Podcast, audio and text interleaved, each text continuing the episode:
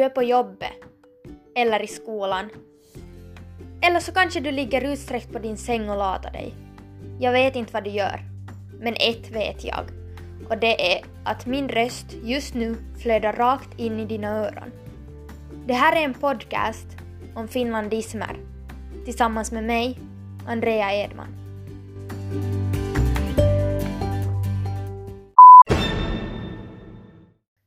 Precis som det mesta så kan finlandismer studeras på många olika sätt. Det är bara att välja synvinkel.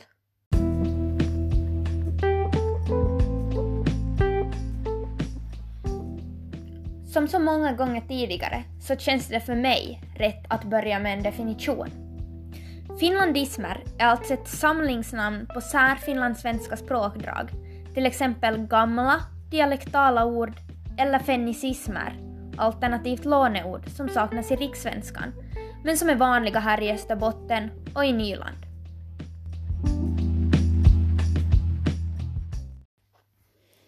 Ja, som definitionen låter en förstå, så är de här finlandismerna inte så lätta att begripa sig på. De facto så motarbetas de till stor del av professionella språkvårdare och Institutet för de inhemska språken. Nåja, när det gäller talspråket så är kanske motarbeta ett onödigt starkt ord. Men hur som helst, i synnerhet när det gäller skriftspråket, så är ju målet att finlandssvenskan ska skilja sig så lite som möjligt från standardsvenskan, eftersom det trots allt är ett och samma språk. Därför är det ytterst viktigt att finlandssvenskar är medvetna om de här finlandismerna och att man kan använda dem rätt.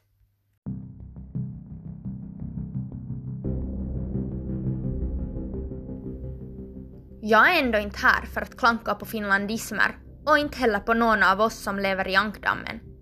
Jag är här för att skydda dem.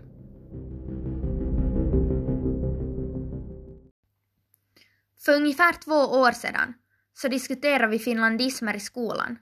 Jag läste då en artikel som hade publicerats av Huvudstadsbladet och som hette Nakupelle, den finaste finlandismen.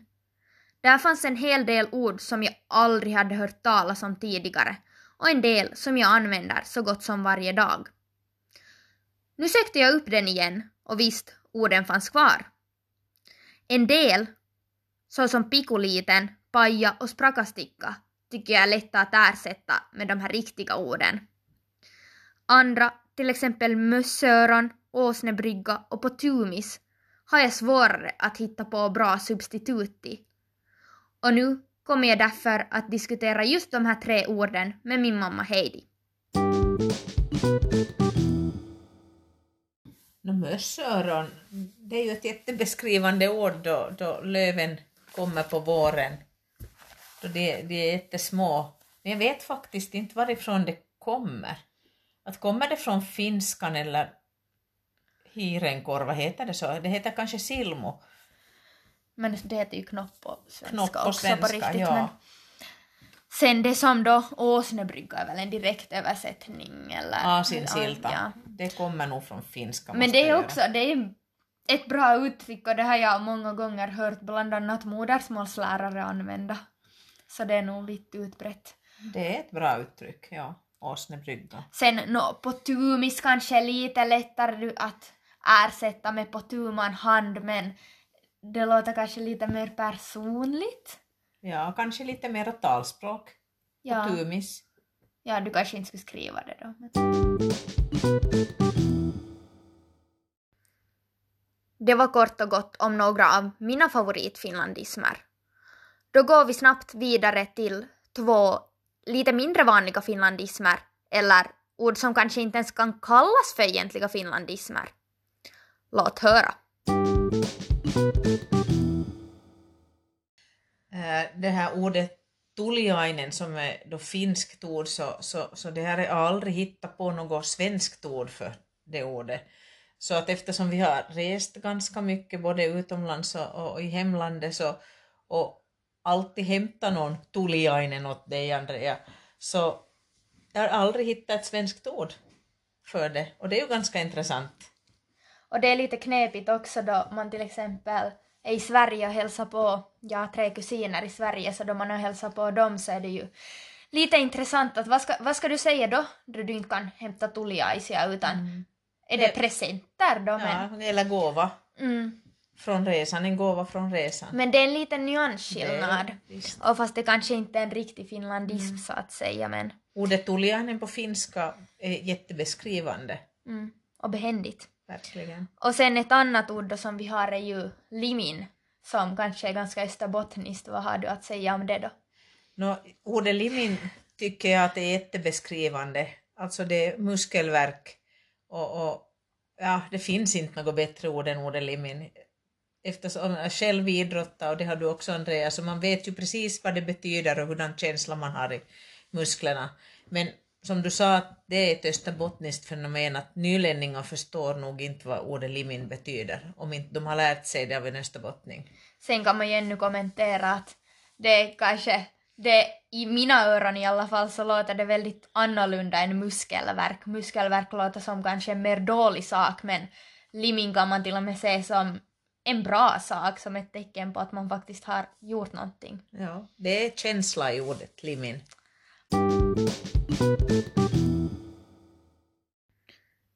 Och där hörde du för andra gången en diskussion mellan mig, Andrea Edman, och min mamma Heidi Nyman.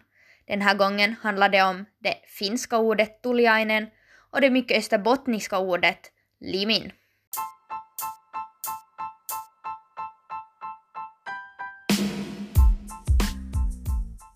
Nåja, nu har jag mina gudföräldrar Gerd och Kai på tråden och de sitter bänkade och beredda på att få berätta lite om sina favoritfinlandismer. Först får du höra Gerd och vrid upp volymen om du inte hör, för de sitter på en balkong i södern och njuter av solen. Det är ju det här traditionella ordet roskis som eh, vi använder väldigt mycket i svenskan, och det, eller i Finland på svenska. Och det är ju många som inte ens riktigt förstår att det är ett eh, icke-svenskt ord. Det är så pass vanligt och, och jag tycker själv att det, det är det där det är väldigt lätt att använda. Det är ju dels en förkortning på sätt och vis men, eh, men också använder vi ju ordet rosk på, på svenska och, och det där, det är, ja, det känns väldigt svenskt på något sätt. Men eh, vi som eh, jobbar här eh, och har väldigt mycket svenskar från, från Sverige, alltså som pratar då eh, rikssvenska, så de förstår ju inte överhuvudtaget vad det handlar om. Så att det där Eh, och jag tror att det är lite lättja dels för att, att använda det här roskis för skräpkorg eller papperskorg känns lite långt. Så roskis täcker liksom alla typer av skräpkorgar. Så, så det där, både och det är för papper och för hushållsavfall och, och alla olika former av sorteringskärl. Så jag, jag tycker att det, det är jätte, ett jättebra ord. Men det är klart att det, pratar man med, med Sverigesvenskar så är det ingen som förstår det. Men vid det här laget är jag ju medveten om det så att det där, det, det är bara någon gång det kan slinka ur mig. Så det är ett, en, en sån, ett sånt här favoritord som jag har svårt att överge. Men eh, sen har jag också tagit, tänkt på ett annat eh, ord som egentligen inte är ett eh, sådär skilt ord semantiskt sett, men det är mera uttalet. Och det har jag fått mig påpekat flera gånger här nu av mina rikssvenska vänner att de drar inte, förkortar inte ordet redan till ren, som jag väldigt ofta gör när jag pratar hemma och eh, med, med andra finlandssvenskar. Att jag har redan gjort någonting eller jag har redan åkt iväg. Att för dem eh, är det lite lustigt att eh, vi drar ihop eller förkortar det ordet så pass eh, ofta. De säger alltid redan hela ordet. Så det är på sätt och vis också en finlandism, även om det inte är ett skilt ord, men det är sättet att använda det, att, att, att uttala det och lite, lite förkorta. Du hörde precis språkvetare Gerd Kummel Kunnas. Vi fortsätter framåt mot dagens sista gäst, Kai Kunnas.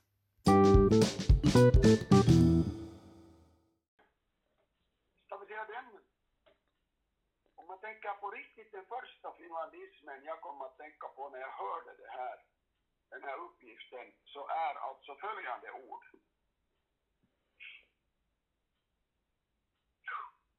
Det vill säga jo, som sägs med inandningsluft. Och nu kan jag ju inte riktigt hundraprocentigt gå i borgen för det här. Men jag har förstått att det faktiskt är världens enda ord i alla tänkbara språk som finns som sägs med inandningsluft, det vill säga det hör man inte i Sverige och sådär när man nu tänker på de språken man själv kan så kommer jag nog inte på något sånt men man vet ju aldrig, det kan ju hända att det finns någon dialekt någonstans i Afrika eller, eller något som inte man helt enkelt vet om. Men, men det är ett meningsbärande ord med inandningsluft. Det vill säga, om du frågar av mig att ställer du upp på en sån här poddintervju och jag svarar så vet du precis vad jag menar. Så det är faktiskt ett unikt ord, meningsbärande och med inandningsluft. Och sen fortsätter jag lite på det som Gerd Marianne var inne på, det vill säga de här eh, kanske skillnaderna på svenskan i Finland och svenskan i Sverige. Jag kommer ju själv från Karis, eller kommer och kommer, men, men gick i skola där. Och där grinar man alltid. Det vill säga, man skrattar. Skrattar högt. Kanske lite sådär, riktigt rejält. Då grinar man i Karis. Far du till Sverige och grinar så gråter du. Så att um, där kan det faktiskt bli rejäla missförstånd om man inte är noggrann. Att som Gerd Marianne tog upp det här med redan och ren. Har du redan kommit, har du redan gått, så det föranleder ju kanske bara lite sådär att, att nästan nu, men man förstår ändå tror jag vad det handlar om. Men om man använder grina, det där, så kan det faktiskt hända att det blir rejäla missförstånd. Ett annat sånt här ord är ju tuttar. Att det är inte samma i Finland och Sverige. Så att sådana här finlandismer äh, måste man kanske till och med vara noggrann med så att det inte leder till besvärliga, prekära, till och med riktigt jobbiga situationer.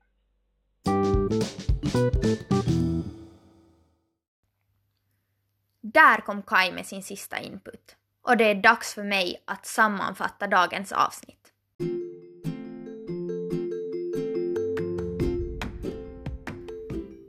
Den senaste kvarttimmen har du lyssnat på en podcast om finlandismer. På tapeten har vi haft både nyttiga och rätt så kniviga finlandismer. Nu är det dags för dig att fundera vidare på egen hand. Var helst du befinner dig, på jobbet, i skolan eller kanske utsträckt på din egen säng. Själv ska jag ta en tupplur. Sköt om er tills vi hörs igen.